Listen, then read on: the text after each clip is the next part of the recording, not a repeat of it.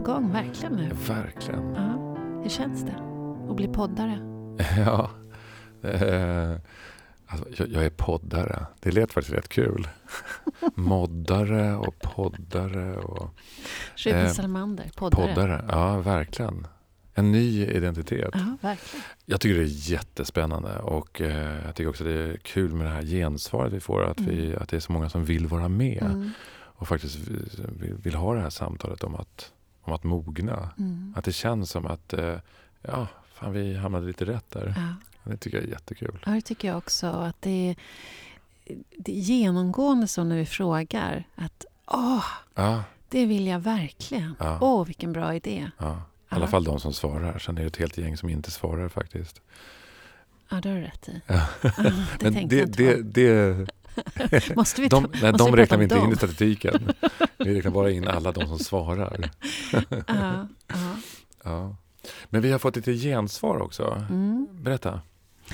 Jo, i ett avsnitt så kommenterade vi en recension av Stig Larsson. Mm. Det var ju Stig Larsson som hade skrivit recensionen och det avsåg en bok som hette, heter Utsikt från den tolfte stolen. Eh, Från, från Stol 12. Stol eh, 12. eh, Per Westberg. Per Westberg. Mm. Och vi hade läst den och vi kommenterade den och eh, då är det flera som har hört av sig och sagt att det var ju lite fjöligt. Eh, Vad, vad var det som var fjöligt? Vårat sätt att komma... Fjöligt? Sa de så? Fjöligt? Vad är det för fel med fjöligt? Ja, men att, det var lite, att vi var lite för snälla. Att vi, att vi var lite för um, att Mesiga? mesiga. Är inte det synonym på fjöligt? N- när jag var grabb så betydde fjöl att man kissade. Va? Ja. Hemma på Söder, ska du ut och fjöla? Nej, är det sant? Det lät bra i alla fall, eller hur? Oavsett, att vi var lite mesiga i... i eh, det, våran kommentar stod inte i relation till det som var skrivet. Vad tänker du kring det? Ja, eh,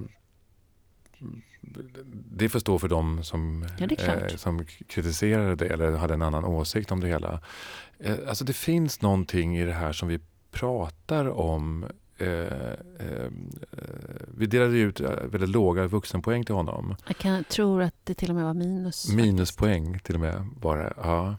Och för mig, att en del av min eh, mognad, som är, inte minst är relaterat till min manlighet, eh, det är att inte vara reaktiv. Att inte gå, att inte svara dräpande. Mm.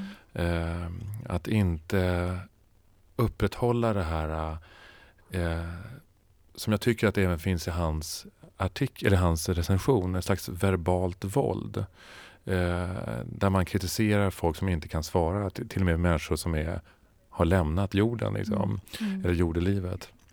Eh, eh, det, det är för lågt för mig. Jag Mm. vill inte vara med på den, jag, jag vill inte spela boll på den planhalvan längre. Mm. Så jag, jag står för att ibland vara, och speciellt i det här sammanhanget, eh, för här vill jag ha ett samtal. Mm. Eh, jag vill inte... Jag, vi, om, jag, inte- om jag inte missminner mig fel, eh, så säger man ju inte. Om jag inte missminner mig, så det räcker. Eh, så önskade vi honom faktiskt en, en större mognad. Mm. Eh, och det, det, det, det håller jag fast vid. Mm. Jag önskar honom en utveckling och att han ska slippa vara arg. Och, Så arg. Ja. Mm. Vad säger du? Ja, jag kan nog hålla med om kritikerna, eh, eller kan vi kalla dem för så, men att, eh, att vi var lite för mesiga i den bemärkelsen att ibland måste man också sätt, säga stopp. Mm. När någon begår våld, eh, i det här fallet verbalt, om, och det är vår tolkning, Mm. det, vi, det, den får ju vi stå för. Mm. Men om man nu gör det eh, så kan det också, tycker jag, vara berättigat att någon säger att Nej, men, det här är inte okej. Mm. Det, du får tycka vad du tycker, men du Mm. får inte mm, uttrycka det med sånt eh, som raljans eller förtryck eller kränkande eller Mm. eh, och säga att det här att ha en sån plattform med så många läsare och uttrycka sig på det sättet. Mm. Nej. det är, väl, eh, det är inte okej. Så att jag kan tycka att det kan finnas absolut skäl till att, att inte bara önska någon mognad eh, och utveckling utan också säga att men det här, så här får du faktiskt inte hålla på. Mm. Eh, alltså grejen är ju så att han får ju faktiskt hålla på sådär. Det Mm. ingår ju i, i att vi har en demokrati och att vi Mm. får uttrycka vad, hur vi vill. Eh, men v- eh, jag tänker att jag vill ändå säga att jag är inte med Mm. eh, på det. Jag vill inte hålla på. Jag vill inte, jag vill inte besvara det eh, med samma artilleri. Nej. Eh, det är snarare det, eh, tänker jag. När de Eh. går ner, då går du upp. Ja, och att man att inte... Om vi ska få till någon form av förändring så vill jag inte hålla på med det där. Mm. Jag orkar inte med det längre. Mm. Mm. Jag förstår. Och jag känner stor respekt för det såklart. Ja. Och, kan, och delvis håller jag absolut med dig. Men jag kan också förstå att man, Ja. man eh, sätter också ibland, och det har jag behov av också, att sätta ner foten och säga att det är möjligt att du tycker att det här är okej, men jag gör det inte. Exakt. Eh, och vara väldigt tydlig med det. Och sen, du och jag måste inte heller hålla med varandra, eller hur? Vi, kan ju, vi, vi tolererar att vi har olika åsikter också. och det händer här. väl lite titt som tätt. Ja, ja, det gör det. det, Ja. gör det. Och det är väl det som är också mer, mer av spännande. det, mer av det. Ja. Ja. Vi har en gäst idag. Mm. Vem då? Alex Varris. Ja. Mm. En väldigt spännande person. Återigen, vi har ju en oerhörd förmåga att eh, hitta spännande personer. ja. Alex är, eh, jämfört med oss då, relativt ung. Mhm. Eh, han är under 30. Mm. Han är ingenjör. Eh, och han eh, valde att hoppa av den här traditionella konsultbanan och började fördjupa sig kring genus och maskulinitet och är föreläsare, konsult och har också utvecklat ett, måste jag säga då, ett Mm. fantastiskt ledarskapsprogram för män om som sätter fokus på eh, maskulinitet och Mm. de gr- begränsningar som det kan ge i de här strukturerna Mm. och att tillsammans kunna problematisera kring dem och hitta andra strategier framåt. Så Alex Vargs kom till eh, centrala Stockholm en tidig morgon, måste man väl säga, i Mm. våra ögon. Mm. Eh, och vi träffades och inledde vårt samtal där.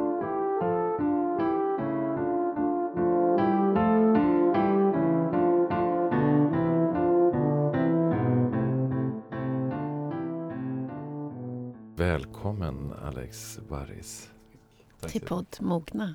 tack så jättemycket. Väldigt roligt att ha dig här. Väldigt kul att vara här. Tack. Jag tänkte först bara eh, ställa en fråga. Har du mognat något den senaste tiden? Ja, ehm, man vill ju hävda det hela tiden, vill man inte? Jag skulle säga, om jag blickar bakåt, senaste sex månaderna kanske, så skulle eh, jag kunna se en utvecklingstrend kring Eh, min förmåga att förstå andra egentligen. Att, att verkligen, eh, så här, när man ska förstå andra är det alltid så svårt för man tenderar att projicera sitt, sina egna tankar på den andras vilja. Men det är någonting jag har jobbat mycket med, att så här, mogna just i att förstå liksom, eh, den andras världsbild och respektera auktoriteten som, och den suveränitet som finns i den. Wow, hur, hur tränar man på det? Eh, ja, wow, vilka bra frågor. Vi börjar direkt med de, de enkla märker jag här.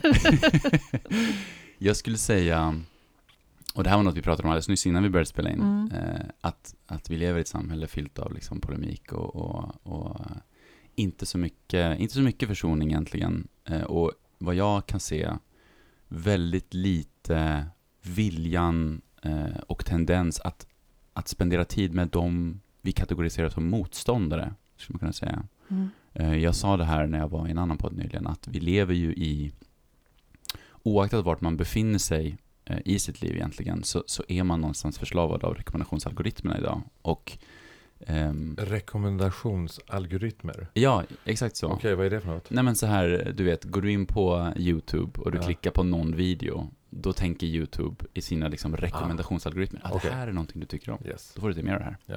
Och så är det ju för allt. Mm. Och, och det är ju lite förrädiskt nästan i att vi tenderar att tro att det inte händer oss. Vi tror att liksom, nej, men jag är så himla rationell, jag är så himla vettig och skeptisk och jag får bara en massa nyttig information, men det är inte vad som händer. Eh, så jag skulle vilja, för att svara på min fråga då, jag tror att jag spenderat mycket tid med de som inte tycker som mig. Så Mm. det är bra tycker jag att göra. Det är en bra skola. Mm, Det är väldigt bra Mm. och det är inte så, vi är inte så många som gör det. Nej. Jag brukar, när jag är ute och föreläser så brukar jag just prata om det, vikten av att skapa nätverk med andra som tycker något annat, har andra erfarenheter än jag själv. Så tänker jag på mig själv, jag bor på Kungsholmen. Alla ser ut så här. Alla pratar så här. Går man ut på krogen eller går på ett café, ett jäkla eko. Det är det som kommer ut, det kommer in där. Eh, så att vi är ju många som rör oss i små världar med, där vi bekräftar varandras åsikter. Vad spännande att du har hittat andra världar att vara i. Tack, kul att du tycker det. Mm. Men betyder det att, att du umgås med människor som eh, du till exempel betecknar som feminist? Eh, umgås du med män eller med kvinnor som betecknar sig som antifeminister? Ehm, inte, inte aktivt umgås med, men alltså som är att det är inte så att jag liksom vardagligen hänger med de här människorna. Ehm, och, och jag ska, innan jag går in på det svaret, bara, bara säga att det, det är ju krångligt det med feminism, frågan om feminism, därför att man behöver inte vara antifeminism för att bara uppvisa något typ av motstånd emot det. Liksom. Och, och det är ju de jag egentligen eh, syftar till. Eh, vad gäller antifeminister, och jag antar att vi kommer in på det här senare, så hade jag ju för vana förra året att liksom eh, infiltrera sådana här chattrum med, med näthatande incel-grabbar. Och de uppvisar ju sådana kognitiva tendenser liksom. Ja. Så.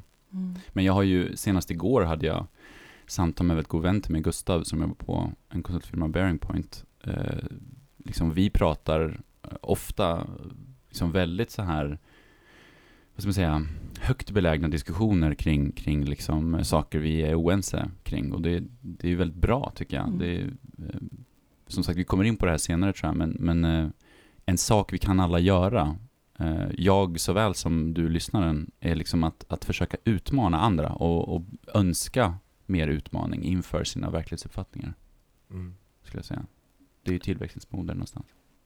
Verkligen. Det är ett väldigt lärande att, att få bli ifrågasatt också. Mm.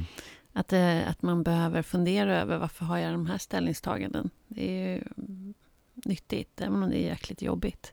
Men det här med att du är feminist och att, precis som du säger, det finns så många olika sätt att beskriva vad är att vara feminist. Hur är din, hur är din beskrivning? Um, min är, eh, så här, utöver en, en rent eh, liksom, emotionell övertygelse kring, kring eh, vikten av att, att uttrycka en önskan om jämlikhet. Så här, ehm, jag brukar säga att det är först när, det, räck, så här, det räcker inte med att folk har gemensamma åsikter bara för sig själv, utan man måste prata om att folk har den här gemensamma åsikten, för det är då förändring kommer börja träda i kraft. Så utöver den liksom, emotionella biten så vill jag hävda att feminism är idag, så här, oaktat vad man har för inställning till ord som liksom, privilegier och intersektionalitet och, och bias och sådana här saker. Det här är liksom språket eh, vi idag har som är bäst lämpat för att förstå den subjektiva uppfattning alla går runt med i världen. Liksom. Så det är vad jag skulle säga att feminism är. Det är liksom ett sätt att förstå den andra. Så eh, jag som är ingenjör gillar ju matte, så, så här matematiskt precis som möjligt egentligen. Förstår du hur jag menar? Mm. Så här, eh, om vi tar bara, ska inte jag gå in på någon jäkla föreläsning här, men så här, eh, om vi tar privilegier som exempel. Liksom jag är ju så här ganska lång, förhållandevis bredaxlad, jag är vit, blåögd man, eh, jag är vänsterhänt så jag har åtminstone en tillstymmelse till identitet så här. Men, men liksom, jag upplever ju eh, mig väldigt, väldigt sällan fysiskt hotad. Det är ju någonting jag bara, det bara inte existerar riktigt i min världsbild, liksom, den upplevelsen. Eh, och att jag inte upplever det får mig ofta att, liksom, kan få mig apan Alex, för vi är ju alla bara hårlösa primater med tyg på, liksom, så här. Får ju mig att tro att, eller kan ju få mig att tro att det inte är ett problem för andra, liksom. Så. Mm. Och det är vad feminism är, det är ett sätt att förstå, eh, skulle Mm. jag vilja säga, ehm, hur annorlunda verkligheten är från någon annans ögon. Mm. Mm. Och samtidigt, fint. eh, våldet är ju väldigt framträdande hos just bland män. Mm. Eh, det, det, är större chans att åka på stryket på stan om du är man, mm. till exempel. Mm. Eh, så det finns ju ett, ett rejält hot av att vara ja. att se ut som du gör, som mm, du beskriver. Ja, eh, eller att bara, bara det att vara man. Mm. Eh, men sen så finns det ju kanske en annan eh, alltså det handlar ju också om vilken in, vad, vad, vad, är det du sänder ut? Som också, jag tänker att balansen med att med hur du beskriver dig själv. Eh, ehm, eh, jag, skulle inte, jag skulle inte säga bristen på rädsla, men i kontakt med din rädsla.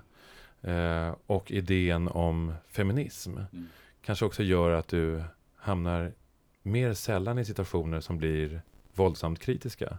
Möjligt, möjligt. Jag tycker ju att, alltså jag har ju, um, ja, alltså jag har ju fått uppleva våld. Jag tycker ju inte att det är roligt liksom. Jag kan ju säga kategoriskt att det är ju liksom ett suboptimalt tillstånd att befinna sig i så här. Så att jag tenderar ju att, um, om jag finner mig i sådana situationer som, som blir hotfulla, vilket har hänt, det är ju bara att man desarmerar dem. Det är ju liksom det bästa, skulle jag säga. Mm. Eh, när jag sa, som jag sa, så, så syftade jag specifikt till liksom den diskrepans i upplevelser som kan finnas för till exempel, ja, eh, min polare Hanna liksom, som är så här kort, eh, späd tjej som kan känna, eh, känna sig hotad. Liksom, förstår du? Det var det jag menade. I, inte, nej, jag, gjorde ingen, jag gjorde ingen kommentar kring hur män är utsatta för våld i övrigt, för det har du helt rätt i. Mm. Men det är ju det är en, hel, det är en helt rätt att som kvinna så är man ju väl alltid medveten om att man är i ett underläge rent muskulärt, rent styrkemässigt. Mm. Det vet man. Det är, det är en del av spelplanen. Mm. Så att, eh, det finns ju med en... Även om det är hur mysiga stunder som helst så är, är man ju väl medveten om att det alltid är så. Mm. Så det, det, är klart att det är väl det är väl jättefint att ha med sig det och kunna känna in det. Mm. Att det som är normalt för mig, min styrka, min kraft, har, kommunicerar något mm. till andra. Mm. Oavsett jag vill det eller inte. Du, du sa här när vi tog kaffe att du är vegan. Mm. Eh, och, och, det är jag också. Är det sant? Vad kul. Respekt broder. Respekt. Okay, okay, okay.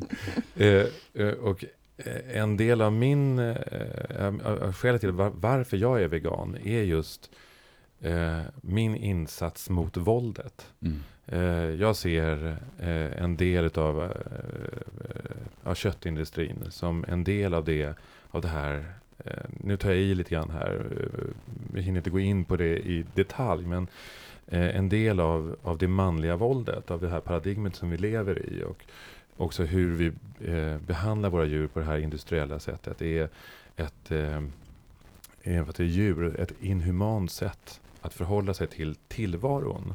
Och till det här generella våldet som även finns i vårt samhälle. Eh, var, var, varför är du vegan?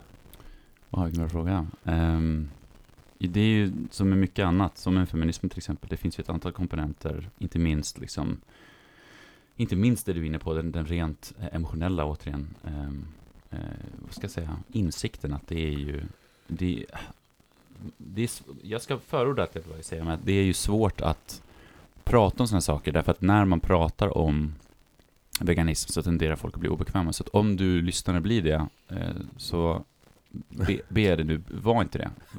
Snälla var inte det.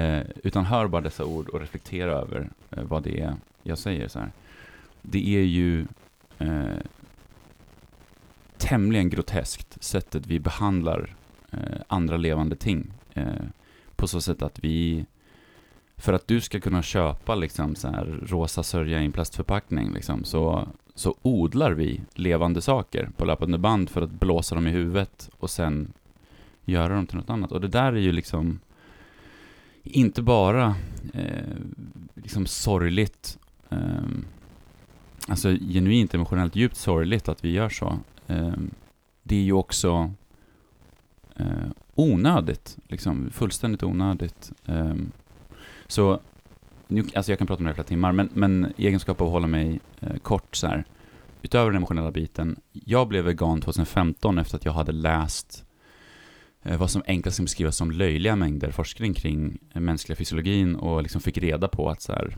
konsumtion av kolesterol och mättat fett är liksom kategoriskt onödigt för oss, vi behöver inte det. Eh, och det kombinerat med faktumet att det här är en jättemiljöförstörande industri Mm fick mig att bara så här, jag kan antingen stå upp för mina värderingar eller så kan jag välja att vara kognitivt dissonant. Just det. Och så valde jag att inte vara kognitivt dissonant. Så det handlar om Inte ett, ett dissonant. helhetsperspektiv. Mm. Mm. Alltså att, att eh, eh, nu kommer jag inte på något annat bättre ord än kampen. Men, men, eh, men kampen är ingen bra ord eh, känner jag. Eh, men önskan om, om förändring, det. Ja. Eh, den, den sker ju inte på ett plan. Utan eh, eh, eh, vi, måste, vi måste jobba på flera plan samtidigt. Hålla flera bollar i luften. Verkligen. Mm. Jag tänkte gå in på någonting annat. Ehm, Du nämnde att du är ingenjör Mm. och du börjar den här klassiska resan som många som eh, efter examen att, som konsult. Mm. Eh, Men sen hoppar du av det. Mm. Och idag jobbar du med att föreläsa och konsulta lite med genusfrågor och du har också skapat ett ledarskapsprogram för män. Mm. Hur kommer det sig att du gjorde det här hoppet? Det är verkligen bara enkla frågor på den här podden. Nej, jag skulle säga att, ehm, och jag sa det här förra gången jag fick den här frågan, att, att jag tror att jag är nog inte ensam i min önskan att förbättra världen. Så här, vi kan nog alla betrakta den och se att det finns ett antal ehm, problem som behöver lösas. Eh, och det här, det här svaret kan kännas som det kommer från ingenstans, men, men så, här, så bara häng med liksom. Ehm, bear with me så här. Eh, Inom loppet av tio år så kommer fönstret att stängas eh, i termer av att orsaka irreparabel skada på vår planet. Så här. Folk har inte reflekterat över implikationerna det här kommer att ha på hur vi blir ihågkomna. Eh, inför det, det liksom eh, klimaträddande arbetet, så insåg jag att en stor eh, kvist i det hjulet, ett enormt kärv existerar i, alltså ett rent mekaniskt kärv existerar i att vi inte är särskilt bra, alltså vi Homo sapiens är inte särskilt bra på att eh, lära oss om andra och förstå andra och de kommande decennierna kommer inte alltid bara vara kul, utan vi kommer vara tvungna att göra massa avkall på massa saker för att vi ska kunna klara liksom, eh, klimatmålen. Och inför det då så insåg jag att så här, det finns inget bättre ställe att börja än med um, egentligen äldre män så här, som, som sitter... Tack, tack. Nej men det är så, verkligen. Eh, liksom, jag sa det här också någon gång, att så här, du vet, vi, många gånger har man sagt så här, men du vet, vi lägger bara vårt förtroende vid de yngre liksom, så får de gamla dö av så här. Men det kommer fan inte hinna hända. Alltså förstår ni vad jag menar? Och frågan är om alla de unga är så annorlunda än de äldre också. Ja, vi är ju alla samma art, precis. Bra Mm. poäng. Väldigt bra Mm. poäng. Men så jag, jag började då, ehm, alltså min, min dröm så småningom är ju liksom att ha, ehm, kunna hjälpa med, med ehm, mot liksom klimatförstörelsen. Men, men det är ju viktigt att man förstår att så här, man kan inte bara börja där, vill jag hävda. Därför att man måste börja någonstans i våra rent artspecifika tillkortakommanden i liksom hur dåliga vi är på att um, ta oss an ny information in i vårt lilla pusselmönster som vi använder för att beskriva världen. Liksom bäst exemplifierat i hur nu känns det som att det är mycket så här ficklampa på män här, men hur, hur många äldre män blir väldigt arga på till exempel Greta Thunberg liksom, för att hon Mm. kommer att säga så här, nu ska vi bry oss om miljön, och de är så här, nej men du kan dra åt helvete. Alltså förstår du? Mm. Jag, jag tittar på det och säger så här, hon gör det, vi, jag måste fixa de här männen. Det- De här är ju, de kommer inte, de kommer vara ett problem tills vi har det löst. Vad underbart. Greta, kör på. Jag tar hand om gubbarna Ja, här. men lite så. Skicka gubbarna till mig, jag tar dem. Men det är ju, jag, jag håller med dig. Jag jag vill också understryka att det är rätt många gubbar också som tycker att Greta är fantastisk. Ja, ja, 100 procent ja. Inte minst jag. Ja, ja. ja Fast, men fast är nu pratade gubbe. vi Jag om, om gubbarna som skulle tas om hand i det här programmet. Just det. Ja, men jag, jag räknar mig till eh, en gubbe Jag liksom. det. Jag hade gissat att du var max 35 alltså. Nej men alltså, får jag bara säga en kort grej då? Det är väldigt viktigt för mig att betona att så här, när vi pratar om män och vi pratar om liksom eh, obstinata män så här. Eh, eh, vad jag gillar att tänka på som så här, något milt faktaresistenta män. Så här, det är ju inte män som är problemet. Det är ju bara att det råkar vara de här som sitter i den här sitsen just nu. Mm. Det är lite svårt att förklara, men så här, Mm. det hade lika bra kunna vara Eh, ponera att vi hade haft en helt annan mänsklig ut, utveckling, Mm. vi hade haft ett matriarkalt sam, en matriarkal Mm. samhällsstruktur, då hade det potentiellt varit kvinnor vi. Så vi pratar inte om männen som individer, vi pratar om strukturerna Jajamän, och, jajamän. och hur så många i grupp som kollektiv som har socialiserats in i de här strukturerna och förväntningarna på hur man ska vara med allt vad det har, har givit för resultat. Och det du vill befria dem. Jag känner så här, vad heter den där, släpp fångarna loss, det är vår. Ja. Nästan lite, eh, det, är det, vi, det är det du håller på med. Ja, kan, ja Mm. visst, Mm, absolut. Mm.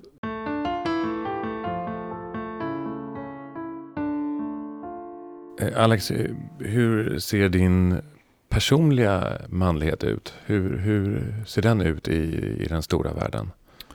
Eh, det är en manlighet som strävar efter inre styrka och trygghet egentligen, vill jag säga. Och, och det är jag nog inte ensam i om vi tittar rent nationellt. Liksom. Jag har pratat tidigare, och vi pratade när vi inte spelade in här, om liksom eh, den för mig ovanförvarande generationen som har liksom fått sin maskulinitetsbild liksom definierad av, av i mångt och mycket eh, lite så här hypermaskulinitetsfetischiserande filmer från Hollywood. Mm. Så här. Eh, Min är inte sådan. Eh, Min är en, en där, ehm, där att göra det svåra är det åtråvärda. Så att liksom att vara ledsen, att vara eh, sårbar, eh, att visa, att vara munter, att vara liksom eh, sprudlande. Det här är, är saker som kan uppleva upplevas ha ett motstånd emot sig om man är en man och man känner sig liksom lite osäker i sin maskulinitet så här. Eh, Jag tittar på sånt och säger, ja men det är ju en utmaning. Det är ju vad som är maskulint. Mm. Jag skulle liksom, det är vad jag, ska, vad jag ska göra liksom. Det finns ju ingenting starkare än att vara svag. Så här. Den, det, det skulle jag kunna säga är, är någonstans vart min maskulinitet ligger tror jag. Jag blir jätteintressant tycker jag. När du säger, man pratar ju mycket om att män behöver träna, ja, det behöver ju vi kvinnor också, men, men man pratar ju ofta att behöver träna på att visa svaghet, träna på att visa sårbarhet. Men också sprudlande, Mm. säger du. Ja. Jag Det- vi, förlåt. Att få vara... eh, det- Munter? Munter. Ja, men det är ju dags. Alltså Ja. så här, vi lever ju i ett jättekonstigt samhälle där alla går runt och är lite så här eh, semideprimerade och det ser jag ingen anledning till. Liksom. Det är så här, du vet, folk tror ju att vi lever i någon sån här 1984-dystopi, men vi lever ju snarare i en utopi idag. Alltså kanske världens sämsta, men, men det är ju då man ska fixa den liksom. Så här. Fast på tunnelbanan på väg hit idag så kändes det dystopiskt med, när jag mötte alla människor med munskydd. Ja, inklusive jo, jag själv. jo, det jo. kändes väldigt dystopiskt faktiskt. Men det är, bara, sorgligt. det är temporärt, det Ja, försvinner det ju är snart. temporärt. Det är Det är temporärt. temporärt. Frågan handlade om maskulinitet. Och vi pratar ändå om någonting som blir ganska generellt. Alltså det vill säga, det är inte könsbetingat. Nej. Eh, så egentligen eh, tänker jag, för att återknyta till det som att, att du är feminist, Mm. så handlar det om, om jag, om jag tolkar in någonting nu här, så handlar det om en, eh, en önskan egentligen om, om allas väl. Ja, ja, ja. Eh, Att det här är, alltså, eh, utan att sätta ord i munnen på dig nu, eh, kan det vara så att, att feminismen du förespråkar är, eh, handlar om den mänskliga överlevnaden? ja verkligen. Ja. Vad poetiskt uttryckt. Nej men verkligen. Och det, det kommer mina barn att gilla. Ja. De tycker att jag uttrycker mig poetiskt Ja, emellanåt. De säger så här, det är åh pappa nu är du sådär poetisk igen. Du är det, verkligen. Väldigt vackert uttryckt. Underbart. Men så är det. När jag, som jag sa, jag tänker inte så mycket på, på, på liksom maskulinitet som sådant. Så här. Jag ser det mer som, alltså om man hårddrar det liksom och tänker så här, vad är maskulinitet i slutändan? Om du bara så här drar av alla lager så här. Det är ju någonstans, det är ju någonstans en, en, eh, en del av vår parningsrit. Då är ju maskulinitet någonstans den hävd du gör på, din, på den liksom romantiska marknadsplatsen helt enkelt. Förstår du vad jag menar? Mm. Så jag, när jag beskriver saker som så här, jag strävar efter inre styrka eller jag vill att liksom, man ska vara en, en kapabel, driven människa med en obeveklig vilja. Liksom. Det är ju lika applicerbart på en, på en feminin beskrivning av, av en Mm. människa. Jag tycker inte alls att det går emot min bild i alla fall av vad femininitet är. Liksom. Ja. Fast är, inte det, är det inte precis det som är friheten i att oavsett vilket kön du är född i så får du röra dig fritt mellan det vi kan kalla för maskulinitet och femininitet. Att, att du är fri som människa att röra dig på hela spelplanen. Mm.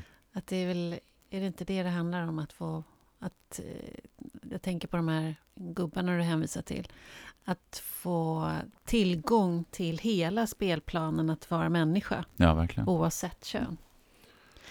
Jag, jag Jag vill tänker- understryka, Ja. det är inget fel att vara gubbe.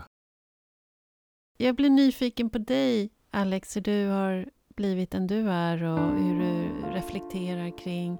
Du har kring manligt och kvinnligt och, och sen eh, hur du har tagit an det och göra det till sin profession också. Du har ju vid flera tillfällen eh, pratat om att du, har, du bär på några trauman som väldigt många andra också gör. Vi är ju många som har trauman i bagaget. Eh, och hur, hur har du förhållit dig till dina trauman? Hur har de påverkat, utan att gå in på just trauman, men hur har de påverkat dig i din utveckling till man?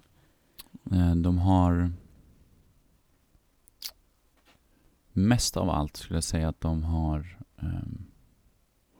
att de har lett till väldigt mycket utveckling, helt Mm. klart. Liksom. Ehm, jag tycker att um, trauma tenderar att ha den, den effekten.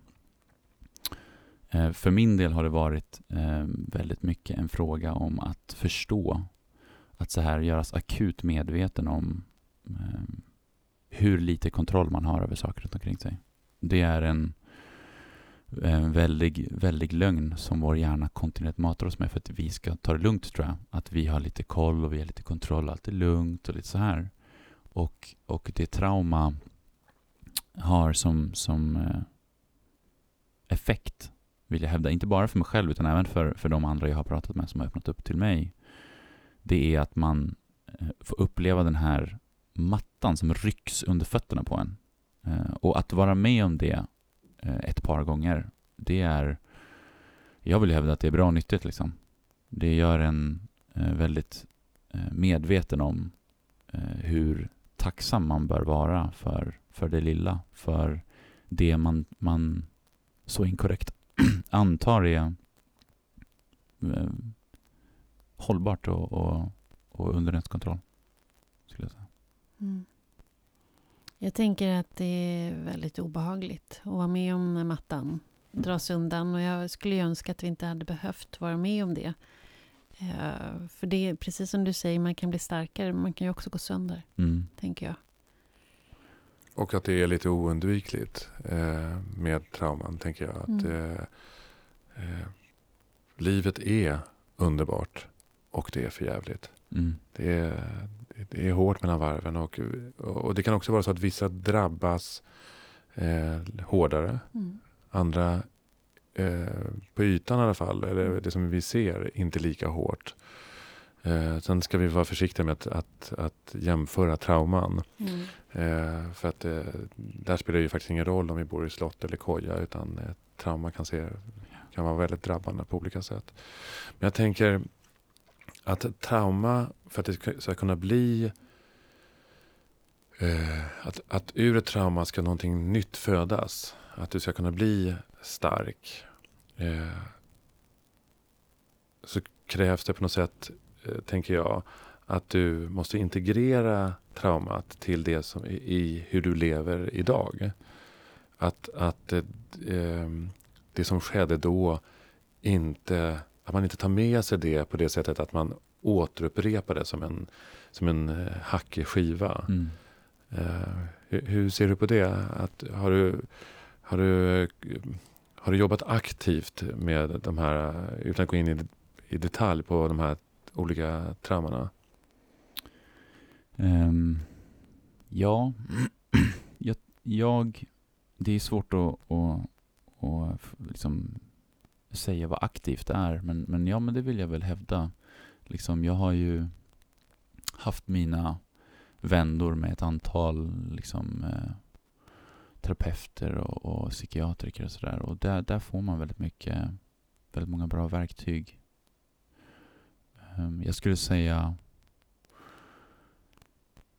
liksom bara för att knyta an i det du sa om, om att um, man måste låta det um, sättas någonstans. Man måste lära sig av sitt trauma. Och, och jag tror eh, att det är oundvikligt eh, att man lär sig något av, av sitt trauma, oavsett vad det är. Om det är, eh, ja, om det är dödsfall eller om det är ett hus som, som brinner upp eller vad fan det kan vara. Liksom. Um, men frågan är vad man lär sig, i vilken riktning man lär sig skulle jag säga. Och det är någonting jag har eh, blivit eh, medvetandegjord kring eh, när det kommer till mig själv. Liksom, att har man som jag så här haft mattan ryckt under fötterna så många gånger att man nästan dansar till takt så här. Så, mm. Då lär man sig så småningom att så här, man lär sig att förlusthantera. Man lär sig att förstå liksom, okej, okay, men det här, det här kommer att vara en mardröm framöver nu.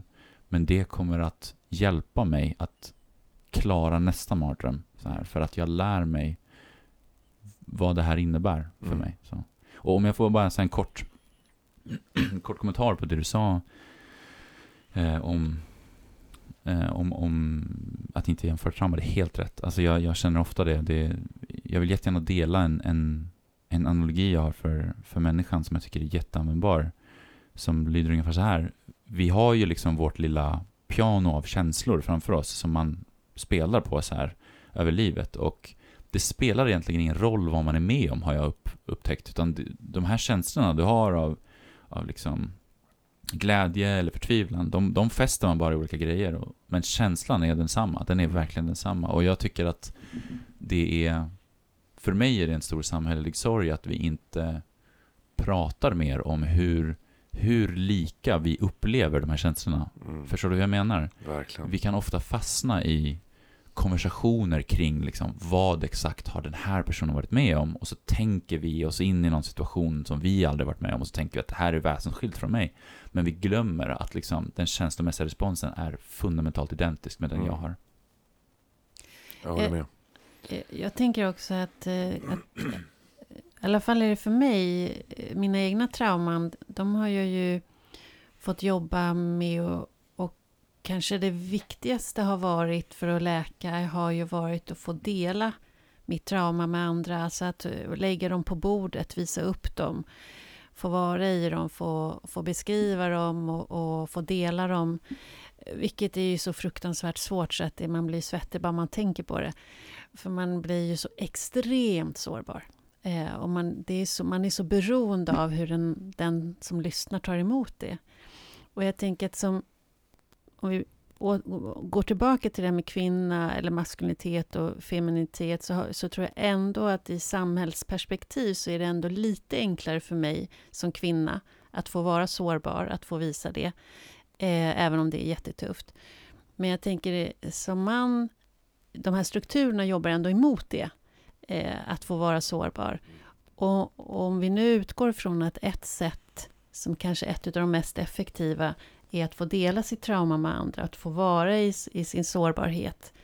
Eh, hur har du kunnat vara det och, och, vad har det gjort med dig att vara i, i ja, som, kanske som ett led av att läka, vad vet jag, men, men har du kunnat vara i den sårbarheten?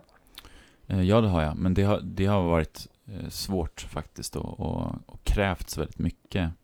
Um, både av mig och av andra. Um,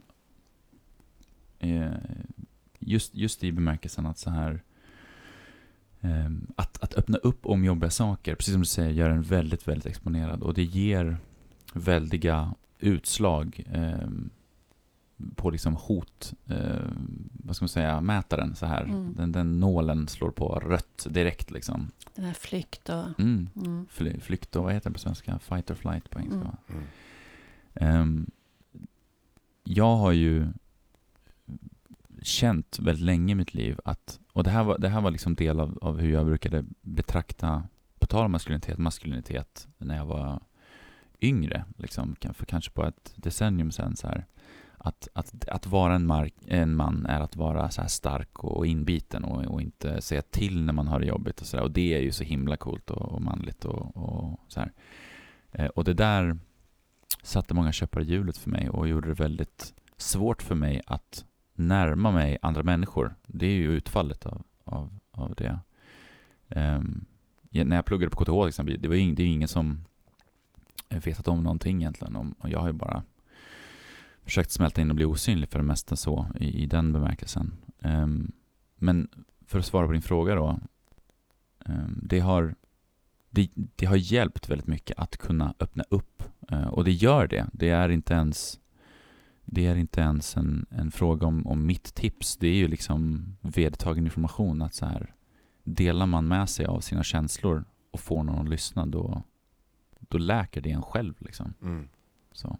Mm. Men som sagt, det krävs mycket av en man och det krävs väldigt mycket av eh, jag kan säga det som en man som har suttit i, i sitsen av att vara liksom den här knyta handen i fickan och bara nej nu ska inte jag. Eh, man, man gör så och då använder jag ordet man i väldigt så här mm. eh, bestämd bemärkelse. Så här. Man gör så för att man tror att eh, det kommer att bli dåligt om man öppnar upp. Så att jag vill tipsa då eh, er, kära lyssnare, om ni känner att det kanske finns en sån här man i er närvaro. Eh, försäkra honom om att han är trygg. Då kommer han öppna upp. Mm. Emotionellt trygg. Mm. Mm. Fint. Det är fint. Fint också att du riktar dig till våra lyssnare. Ja, jag tänkte det. Här sitter vi och samtalar, vi tre. Mm, det, är det finns ju en, en, en fjärde part också. Mm. Men också hur mycket sårbarhet ger. Eh, alltså i hela idén om att, eh, att inte visa sig sårbar, att det skulle vara mer kontroll. Men att, att, eh, att, att och i synnerhet, i synnerhet för oss män, men det gäller ju såklart kvinnor också. Men i och med att vi har det här som du beskriver så tänker jag just för min del eh, så har just eh, sårbarheten varit en nyckel till väldigt mycket i mitt liv. Att förändra idén om min bild hur en man ska vara. Inte minst det här som vi också har pratat om Ulrika. Eh, det här med att, att eh, att komma till skott med vissa saker. Att, eh, vara, eh, att det kreativa inte nödvändigtvis måste vara eh, ge, ge resultat. Utan att eh, också hur vi har byggt upp vår podd till exempel. Alltså hur vi har kommit fram till, Ulrika och jag, så har vi haft massor med samtal. Där vi har lärt känna varandra. Och ibland så har vi varit i chock över hur raminkompetenta vi har varit. Vi har pratat om allt. Eh, och eh, kanske inte om det som vi ens sa att vi skulle prata om. Men vi har kommit fram till att, att vi packar våra ryggsäckar. Vi fyller eh, eh våra gemen, vår gemensamma ryggsäck med någonting som gör att vi sitter här och pratar med dig eh, nu till exempel. Och att, att, att det som sker här lite grann är ett, ett ett försiktigt öppnande av ett lock som pyser ut en viss sårbarhet. Jag kan känna här när jag sitter med dig och, eh, och med dig Ulrika också att jag, jag blir rörd eh, av det här. Eh, och genast in någon klocka som tänker att nu är det någon som sitter där ute och tycker vilken jävla tönt. Nej, eh, nej men det, det, det, det, fin, det ekot finns fortfarande kvar. Eh, men det är någonting som jag för några år sedan eh, lovade mig själv det var att inte vara reaktiv. Utan att eh, vänta med, eh, eh att försöka vänta. Det är rätt hårt anat att vara det som man. Eh, men också att försöka agera utifrån hjärtat. Eh, och för min del så har det bara varit till fördel. Mm. Tänk att det ska ändå ta så mycket tid att komma på det. Ja. För det, det är en lång resa för väldigt många. Men du, för dig blev den kortare. Ja, det är ja. Spänn, visst är det spännande Ruben? Jag är grön av avund. Ja, jag Nej. med. Nej, jag skojar. Vad säger du? Och det är jag. Det är jag som sitter i celebert sällskap. Ju... Men du, Alex, eh, första gången som du och jag hade kontakt, mm. hade du lyssnat på en föreläsning som jag hade gjort om, mm. Som delvis handlar om maskulinitet. Mm. Och, och vi hade fört samtal med några män om deras manlighet och maskulinitet. Och då kontaktade du mig på LinkedIn och sa att det var varit bra att få ställa lite frågor och lite klargörande här. Och det tyckte jag var spännande. Och då svarade jag på det. Och eh, då träffades du och jag över en kopp kaffe. Och eh, då nämnde du att du vid några tillfällen kallar dig för incelterapeut. Ja, eller jag har inte kallat mig det. De har kallat mig de för det. har kallat ja. dig, förlåt, då missförstod jag. det var viktigt att ja, ja, de har kallat dig. Men jag tyckte ju att det lät väldigt, väldigt spännande. Mm. För det är ju en värld som jag aldrig är i närheten av överhuvudtaget. Men jag har hört om den, berättats om den, inte minst av mina söner som spelar mycket och som hamnar i de rummen på nätet. Och nyheterna. Och på nyheterna ja, lite grann. Mm. Ja, terrordåd. Men i, i, Sverige så brukar man prata om att man vet inte hur många det är. Mm. Men man uppskattar till några tusen eh, killar, män. Eh, men det är fortfarande, för mig är det fortfarande någonting jag bara läser om. Jag har inte upplevt det, jag har inte varit i närheten av det. Med den här synen som du har och din, din ambition att förändra. Och jag menar, om Greta nu tar hand om klimatet så tar ju du hand om gubbarna. Eh, så Jaha, tänk nu var vi där igen. kan, kan du ta oss in i den här incelvärlden? Du som har besökt den. Va, vad är det för något? Eh, ja, så... Um, jag, jag blev rekommenderad av, av en person att, att akta mig från ordet incel eftersom att, eh, om jag citerar henne, Mm. Vi 70-talister tror ofta att det är, som du sa Ruben, att, att det är liksom terror, det är någon typ av terrorcell, att det är Isis. Liksom, så här. Men det är inte det, utan det här är eh, i den absolut grövsta majoritet, jag ska säga 99, potentiellt 4 procent, om man ska vara precis så här. Eh, det är bara en, en spiral av depression. Det är vad det är. Mm. Det är jättesorgligt. Eh, och inte sorgligt återigen på det roliga sättet, utan på det verkligen djupt eh, liksom, eh, sorgliga, emotionellt sorgliga sättet. De här grabbarna, incels, det står ju, alltså, vi alla är på samma, samma ställe. Incel är en förkortning, en engelsk förkortning som står för involuntary celibate, alltså så här ofrivilligt celibat. Eh, och, och, det är ju, eh, det kommer av, av deras eh, uppfattning att de är, de har eh, fullständigt noll värde på liksom den sexuella marknadsplatsen, de är så åtråvärda att de är liksom Gollum ifrån Sagan om ringen essentiellt, mm. allihopa. Sådär.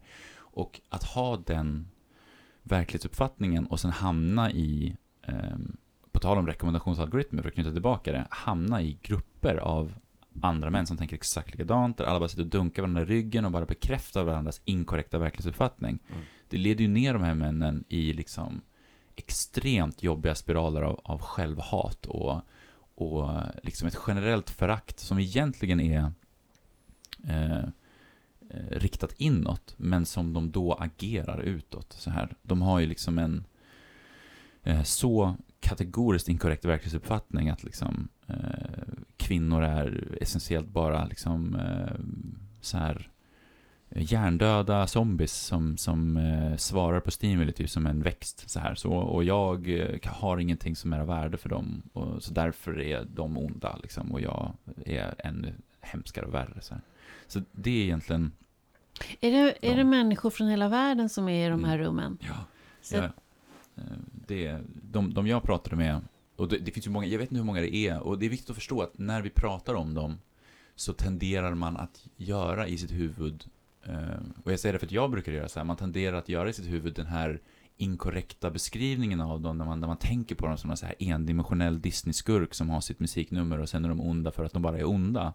Men det här är ju människor precis som oss. Mm. Och, vi, och det är viktigt att man förstår, trots att din hjärna kommer säga nej nu, det är viktigt att du förstår att du hade varit exakt samma person om du hade varit i den sitsen du är inte väsensskild till den graden. Mm. Så här. Jag hade suttit med de åsikterna, du hade och du hade mm. suttit med de åsikterna.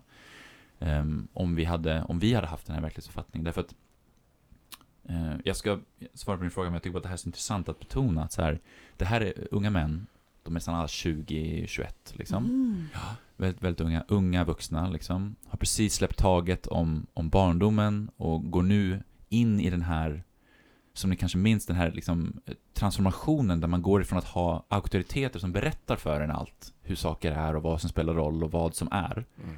Så går de in i den här liksom, eh, transformerande perioden när man själv inser att jag har ju, min röst eh, kan ju vara med och diktera verkligheten. Så här. Eh, och då, eftersom att de inte har haft särskilt många interaktioner med kvinnor, de är nästan alla heterose- heterosexuella, eftersom att de inte haft några interaktioner med kvinnor, så eh, då, då har de den in- inställningen som jag beskrev nyss, att de tänker på, på kvinnor som endimensionella Disney-skurkar. Liksom, så här. Eh, och, så har de, och så blir de väldigt nervösa och väldigt rädda, så har de en interaktion med en kvinna och det gick inte bra, för att se föregående punkt om att de var nervösa. Eh, och så det bara matar deras bild av att så här, nej men kvinnor är onda groupies som bara söker status och så här, så här, så här. Och så sitter Fast man lägger också väldigt mycket makt hos kvinnan.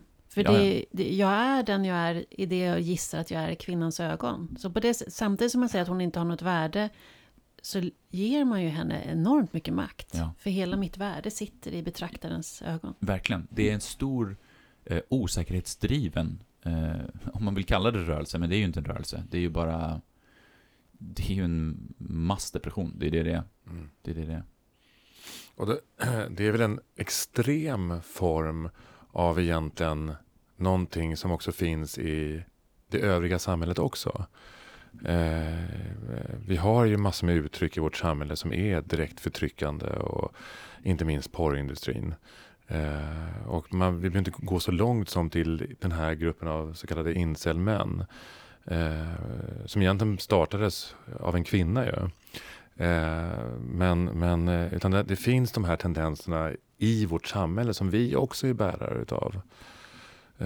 Och varför jag refererar till nyheten och det här terror, det, det för att det har ju varit några terrordåd Mm. som faktiskt, eh, där de skrev manifest som var eh, rena hatet mot just kvinnor. Absolut, Ja. och, och de fanns också i den här plattformen.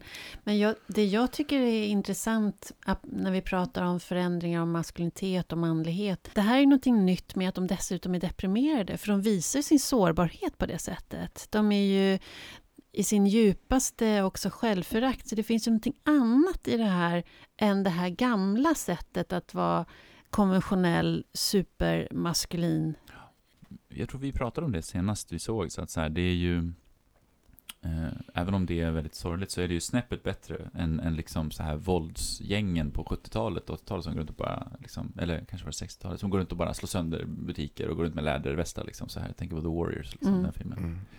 Men, men ja, det är, det är väldigt synd. Men, men det här, Men uttrycker de att de är deprimerade? eh, de vet om att de är det allihop, men de, de uttrycker det ju aldrig utåt, utan det här Nej. är ju liksom, eh, det, du måste ju in i, du måste in och vara där de är för att de ska börja prata om det. Så här. Men det är inte någonting, det är ju inte en läkande konversation de har. Det är ju Nej, inte en precis. så här, åh jag är så ledsen, jag söker bara någon som kan stötta mig, utan det är ju, det är ju den här ehm, väldigt mänskliga tendensen att bara säga åh allting är så jobbigt, bekräfta min världsbild. Ja. Bekräfta min världsbild. Så här. Det är det de bara pratar om. Så att de sitter där och liksom ehm, ehm, pratar om, om forna, forna antika diktaturer och liksom, du Ja, vet, allt, ja. allting de kan fästa någon typ av, Mm. av åtråvärd maskulinitetsbild i liksom så här. Och så kallar de dig för terapeuten här. Mm, Incel-terapeuten. Ja, De- hur de- kommer det sig? Vad gör du där inne? Ehm, I det här nu, rummet. Nu har inte jag pratat med dem på ett tag, men nu har jag inte pratat med dem på ett tag. Eh, men de... Eh, jag, jag kom in där eh, tidigt 2020 någonstans och, och liksom var, var inkognito ganska länge. Jag ville se liksom vad det är som händer här. Um, och sen började jag långsamt men säkert provocera dem med alla andra påståenden. Jag var ju väldigt uh, jag tycker att det finns ett stort värde i att vara provocerande. Vi, vi pratade om det innan, att, att vi utmanar varandra alldeles för lite. Uh, och jag är ju liksom Eh, så här, feminist, vegan, eh, förhållandevis liksom, vältränad. Så här. Jag, jag är den fullkomliga inversen av vad de tror existerar. Så, här. så jag gick in där och bara, hej jag finns, nu ska ni få se. Så här.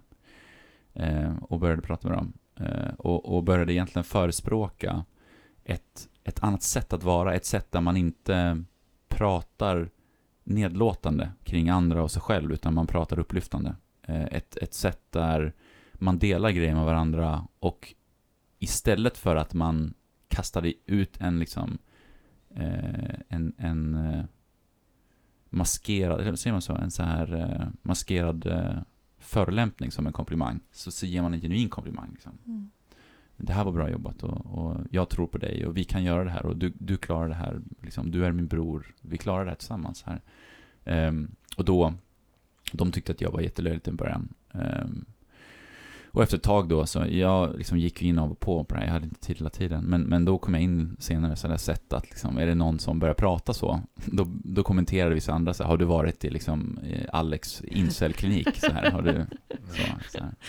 Men då, är, då är det sagt som eh, en självmedvetenhet ändå. Ja, ja, visst. ja det är för att det finns, det finns någonting lite lätt komiskt med det också, det här mm. att man är en insedd terapeut. Och ja. ännu mer om det är de som, som faktiskt betecknar dig som terapeuten. Ja, precis. Då kanske de har en känsla av att de är ute på hal is. Ja, det är så. Ja, att det finns, det finns, det är en väldig komplimang. Det tänker jag i alla fall. Det är något väldigt, väldigt fint. Mm. Och att få jag förstår nästan inte hur det är möjligt att få den här gruppen som möts i det här destruktiva att eh, kunna då lyssna till någon som är eh, lyfter istället för att och trycker ner och förtrycker. Och att, att de ändå går igång på äh, de, det är väl antar jag några stycken. Ja. Eh, och att, att de ändå kan vara inlyssnande till det. Så äh, tänker jag, det borde ju vara jättemånga fler om vi nu ska göra någonting åt det här, för det är ändå en, det är väldigt, väldigt läskig grupp. Det är ju väldigt, jag hör ju även i mitt nätverk hur unga killar som det går lite taskigt för i skolan och som har haft det svårt med relationer, hur de också suger sig in i den här världen.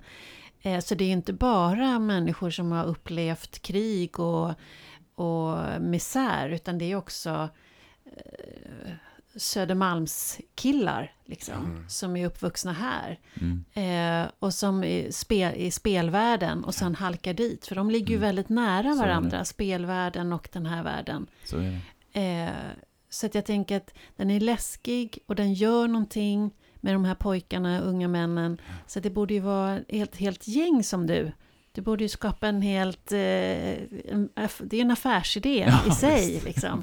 att söka pengar för att in och rehabilitera. Mm. Ja, visst. Så är det. Det finns faktiskt en som bor på Östermalm till och med. Moon kallas han. Ingen har ju, ingen pratar ju, alla har ju sina synonymer så här. Men han på Östermalm, så att det, du har helt rätt. Eh, och det är ju, jag vill verkligen betona att det, det är viktigt att komma ihåg att så här, de instanser av, av, av uh, våld som har förekommit från incels, det är ju, eh, vad jag vet, exklusivt förekommit i USA, liksom världens rikaste u-land, så här, landet där det finns fler k-pistar än tuggummin, liksom, mm. så här, så. Ehm, de flesta är ju, ehm, fast att de, de eh, liksom pratar om en önskan om, om, om liksom en, en eh, hårdare maskulinitetsbild, närmast så här fascistiska, mm. liksom det, det, finns ju risk att de börjar prata så. så här. De, det är ju inte, de är ju inte våldsbenägna. Det är ju, de är ju, som du pratar om Ulrika, de är ju mycket mer deprimerade än vad de är arga. Våldsbenägna fast kanske mot sig själva är ju någonting, en ja, rädsla som jag får. Ja, ja, visst. Att det blir självdestruktiva. Ja, ja, visst. Och så måste man nog vidga begreppet våld. Därför att språket de använder är ju extremt våldsamt. Så och, är, eh, är ju direkt förnedrande mm. eh, språkbruk. Mm. Och för mig ingår det i, i det, som, det som jag kallar för våld. Just det. Och en del av den bilden som jag önskar förändra. Ja. Jag tänker att den här gruppen har vi och den, den är tydlig. Men vi har ju också eh, Eh, som jag upplever en regression i samhället. Inte enbart, för vi har ju många goda krafter, eh, goda krafter enligt mig, eh, eller oss. Men det finns ju andra tendenser idag som inte gagnar, som, som, som är på, på något sätt på, i, i, samma spår. som handlar lite grann om populismen mm. idag. Eh, men också som eh, flörtar med nationalism och eh, religiositet. Mm. Jag har sagt det förut, men det är ett bra exempel just i dessa dagar med Polen till exempel. Mm. Där man har, hom, kallar man det för, hbtq-fria zoner och man vill förbjuda abort helt och hållet, till och med om barnet är är våldtagen av sin egen pappa och så vidare. och det här, det här är ju Eh, det, det, är på något sätt, det är på något sätt incel på statlig nivå. eh, ja. eh, och eh, ja. jag tänker att, vi, att det handlar på något sätt om att, att vara vaksam här. Ja. Eh, eh, och, Oj, ja. men jag tänker att de här grupperna på nätet, de hade inte funnits om det inte även hade varit ute i den yttre världen. Vi har ju även politiker som har gått ut på Twitter och sagt att det enda kvinnor vill, det, är, det enda kvinnor vill ha en man till, det är att bli mamma och få pengar. Eh, alltså jag, är övertygad, ja, jag är övertygad att de har hittat sin näring i de här grupperna. Jag tror, du, eh, jag tror inte riktigt det, det stämmer. Eh, jag tror att, att eh, internet är anledningen till att det här uppkommit. Mm. Lite så här, um, om jag bara får, innan jag svarar på det, kvickt kopplat till det du sa Ruben om, om um, vad var det du sa? Du sa våld, språk, språk är våld. Så här, eh, jag tillhör generationen där vi inte tänker så. Våld, språk kan ju vara hur aggressivt som helst. Vi har ju bara matats med hur mycket information som helst. Det, spelar ingen roll för oss. Alltså vi kan ju säga alldeles groteska saker till varandra och det bara glider av som vatten på en ande mm. liksom. Så, här. Eh, så det är väldigt intressant att du säger det, för det reflekterar inte så jag över. Men eh, det här med, med att de samlas på internet, de jag tror att det som händer, eller det jag kan se händer, är att um, vi människor, som jag sa innan, vi är alla samma sak, trots att vi, vi tenderar att bara, nej men jag är inte som de här. Uh, vi ges en röst på internet där vi kan vara anonyma och säga alla de här knasiga sakerna som vi går runt och tänker, så, åh det vore så mycket bättre om det var, ja, fast vet jag, liksom allehanda knasig verklighetsuppfattning. Uh, och innan, bara så här tio år sedan, kanske lite längre, 15-20 år sedan, då kunde man inte bara gå och få gehör för det här. Nu kan man bara gå och få gehör. Och som sagt, har du den här bilden och ingen går och utmanar dig och du känner inte ens att det är en trygg miljö så du kan lyfta det här med någon annan, då bara söker du dig till andra som tycker så här, och ni bara sitter och, dunkar varandra i ryggen och bara radikaliserar varandra liksom, och bara så här, nej men det här är rätt, det är vi som sitter på sanningen så här. Så Återknyter vi till dina bekräftelsealgoritmer. Ja men exakt så. Igen, som exakt vi pratade om i början. Mm. Exakt mm. så. så. Så det är vad som händer verkligen. Eh, jag är helt säker på att det har hänt oaktat vad som händer i Polen. Jag, jag, tror också att, att det ligger någonting i det. För, också det här med våldet vill jag ta upp en gång till. För, för, för det är en del av det som jag kallar för det här, den manliga strukturen. Och en del av det nya som jag inte, som jag inte uppskattar. Som, det, som du, för jag, jag menar på att om vi inte tar ansvar för det språk vi använder så befäster vi vissa strukturer. Eh, och eh, där är bland annat det här att när vi, att vi är fortfarande på nätet, det här anonymiteten, men också att vi är väldigt reaktiva, att man svarar dräpande. Eh, och för mig är det också någonting i, min, i mitt förhållningssätt till min manlighet, någonting som jag försöker eh, förändra. Mm. Mm. Mm. Vi ska börja runda av. Ja, vi ska göra det. Mm. Vi har dragit över tiden. Jag skulle vilja sitta här hur länge som helst. Ja, det finns så mycket, det är så viktiga saker vi pratar om tycker jag. Nej, så Nej. jävla viktigt är det inte. Och du är viktig, Alex. Ja, tack du är en väldigt viktig man. Tack så mycket. Du, innan vi säger hej då, eh, med all din erfarenhet, ehm, vad skulle du säga är ett tips för att mogna? Inse att du är ett barn. Faktiskt. Faktiskt. Eh, jag brukar säga så här, har man inte gått hos en terapeut eller en psykolog innan man är 30, då, då, då, då är man lite bakom. Alltså då har man inte utvecklats man tillräckligt fort. Eh, och det man lär sig av att träffa en psykolog, det är att, att det som leder till en så här karaktärsfel, liksom, det är ofta att man inte har fått någonting under sin formativa period. Mm. Så inse att du är ett barn och bara sök det du saknar. Liksom. Mm. Mm din formativa period. Ja, det, det är ytterligare ett ämne. Där gick jag igång. ja, jag med. Ja, det skulle jag prata mer om. För den är inte över. en annan gång kanske. Även när man är gubbe. Även om man är gubbe, ja, precis. Ja. Tack för att du kom till Podd Mogna. Tack. Tack. Tack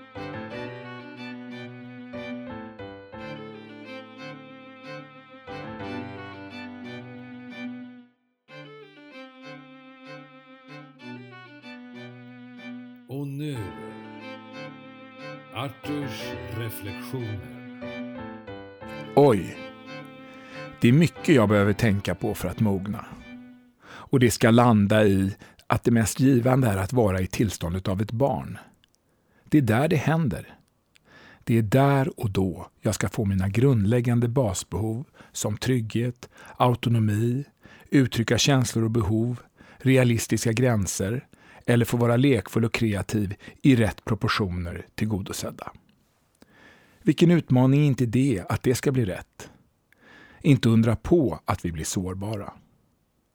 Sen ska vi dessutom våga uttrycka våra sår för att läka och utveckla verktyg att bli, våra egen, att bli vår egen älskande förälder. Att dessutom vara man gör det inte enklare, då vi har fysiologin emot oss.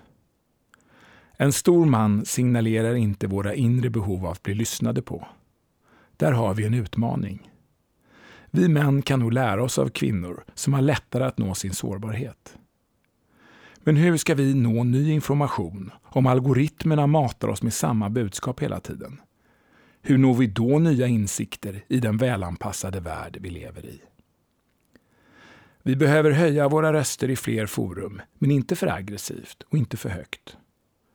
Samtalet ska vara utifrån mig själv och inte en stark reaktion på något jag inte gillar. Det är inte bara kul att vara människa helt enkelt. Alex har relativt tidigt i livet mött sina brister av basbehov och det är en tillgång och styrka som kommer att bidra till en värld i utveckling. Och lägger man till den energin som hör åldern till, som bidrar med lyskraft, så finns det goda förutsättningar att mogna, mogna vidare på vår utvecklingsresa.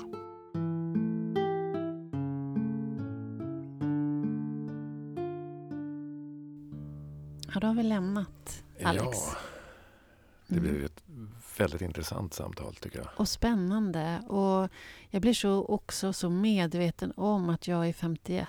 Mm. Och att Och ni han- upprepade flera gånger att jag var en gammal gubbe. Ja. Hur kändes det? Underbart, jag välkomnar det. Du, det var faktiskt du som började Ja, med att ja, identifiera dig som gubbe. Ja, men det är Jag är inget- också en gubbe. Det var faktiskt du som gjorde. Jaha. Mm. Att du är en gubbe? Nej, du sa så. Ja, ja, jag är en gubbe. Ja, men jag är en gubbe. Mm. Jag tycker det är lite fint att vara gubbe också. Jag tycker också det. Jag, fast jag ser mig inte som tant. Nej. Nej, men alltså det är med kärlek tänker jag, det här med gubbe. Men eh, vi, vi pratade ju om, om manliga och kvinnliga strukturer Mm. och om, om, eh, om ett förändringsarbete. Och återigen så, Mm. så nåd, kom vi fram till det här med sårbarheten och hur viktig den är Mm. för utveckling, eh, för personlig utveckling. Det blir mer och mer tydligt att det är helt avgörande. Det finns något heligt, tycker jag, i, Mm. när man pratar på det här sättet. Eh, I mötet. i mötet och Mm. att, att det känns som att, att, eh, eh, att det här skapar verkligen ringar på vattnet ut över vårt samhälle. Mm. Han lämnade oss, vi följde honom till dörren och han gick iväg och det känns som att det var någonting som spred sig vidare av vårt Mm. samtal och han kommer prata vidare om mötet med oss Mm. också. Mm. Eh, hur svårt det var att inte krama honom. Ja. Mm. vi hatar corona. Hatar corona. Oj, vi kan ju hålla på och prata hur länge som helst. Vi måste avrunda. Ja, hej då. Hej då. Hej.